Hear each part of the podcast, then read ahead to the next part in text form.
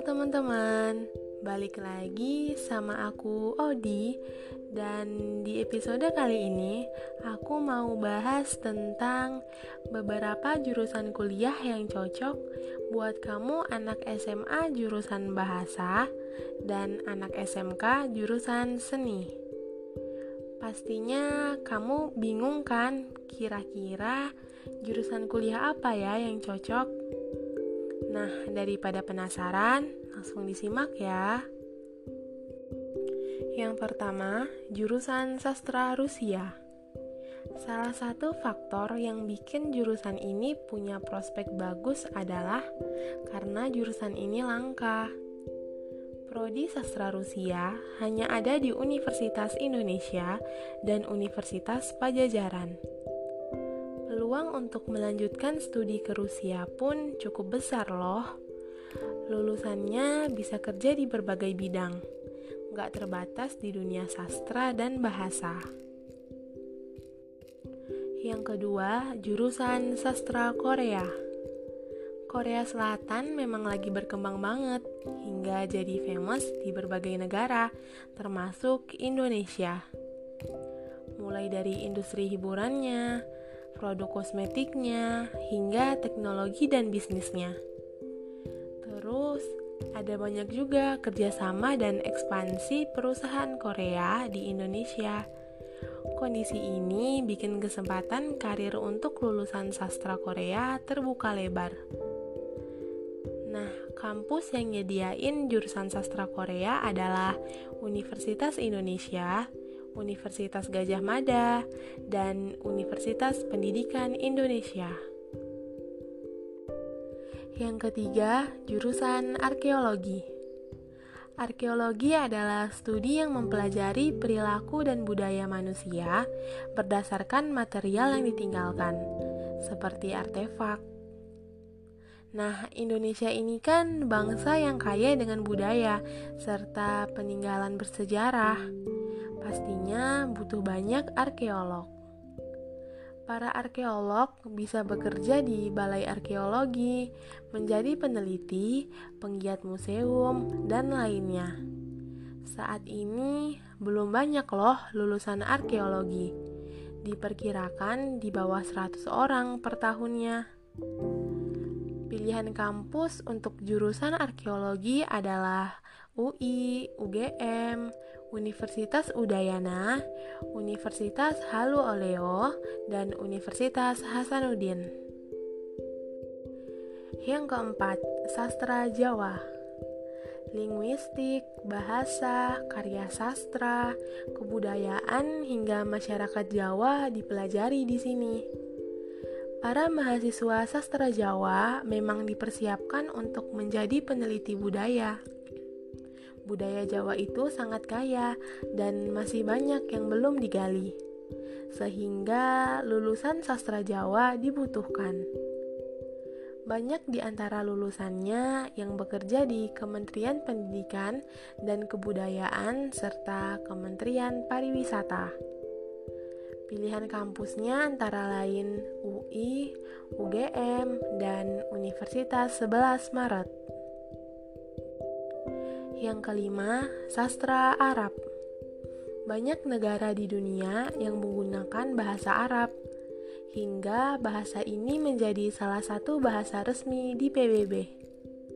Di prodi ini, kamu gak hanya belajar bahasa dan sastra, tetapi juga sejarah, politik, hingga berita terkini dari Timur Tengah. Maka, lulusan sastra Arab pun bisa bekerja di pemerintahan, menjadi jurnalis, hingga berkarir di bidang politik.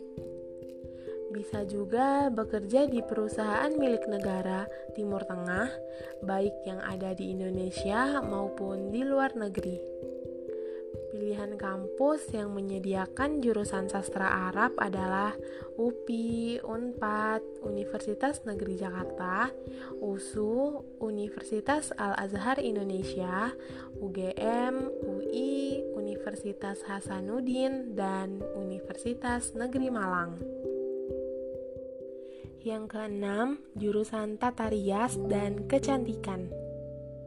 Jurusan ini mempelajari tata rias Nusantara, internasional hingga tata rias karakter. Beberapa hal yang dipelajari adalah cara menyanggul, menata rambut, memotong rambut, merias wajah menggunakan bahan dan alat kosmetika. Gak cuma praktek, tata rias dan kecantikan juga mendalami soal teori. Pilihan kampus yang menyediakan jurusan tata rias adalah Universitas Negeri Jakarta, Universitas Negeri Yogyakarta, dan Sekolah Tinggi Desain Lasale. Yang ketujuh, jurusan Desain Interior. Subjek utama prodi desain interior adalah merancang dan menata ruang di dalam rumah, perkantoran, mall, hotel, hingga tata panggung pertunjukan. Untuk mendesain interior ruangan dengan baik, mahasiswa harus belajar hal dasar seperti berbagai bentuk dan material suatu benda, pencahayaan, tekstur, serta warna. Gak cuma memperhatikan sisi estetika, mendesain interior haruslah fungsional dan sesuai dengan tipe bangunannya, serta mempertimbangkan sisi psikologis. Kampus yang menyediakan jurusan desain interior adalah ITB, Institut Teknologi Nasional Bandung, UI, Universitas Kristen Petra, Institut Seni Indonesia Yogyakarta, dan Institut Seni Indonesia Denpasar. Selanjutnya, jurusan Desain Produk. Jurusan ini mempelajari perencanaan dan perancangan barang. Tujuannya untuk memenuhi kebutuhan manusia yang mengutamakan kenyamanan indrawi, kenyamanan fisik, dan kenyamanan nilai produk. Pilihan kampus jurusan desain produk adalah Universitas Trisakti, Universitas Esa Unggul, ITB, dan Institut Teknologi 10 November. Selanjutnya, jurusan televisi dan film.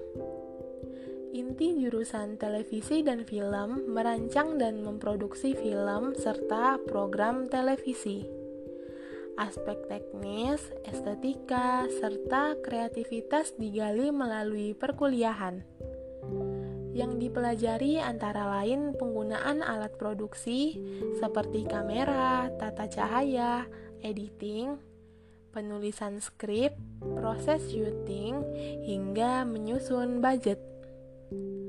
Pilihan kampus televisi dan film yaitu Unpad, Bina Nusantara, dan Institut Seni Indonesia Surakarta. Yang terakhir, jurusan Tata Busana. Mahasiswa program studi ini mempelajari bagaimana merancang busana, membuat pola, dan menjahit. Dipelajari pula sejarah fashion, perkembangan industri fashion, tren, serta pengetahuan seputar fashion. Kampus yang menyediakan jurusan tata busana adalah UNJ dan Universitas Surabaya. Nah guys, itu tadi beberapa jurusan kuliah buat kamu anak SMA jurusan bahasa dan kamu anak SMK jurusan seni. Semoga informasi ini bermanfaat ya dan mampu membuat kamu dalam memilih jurusan yang tepat. Semangat dan sampai jumpa di episode selanjutnya.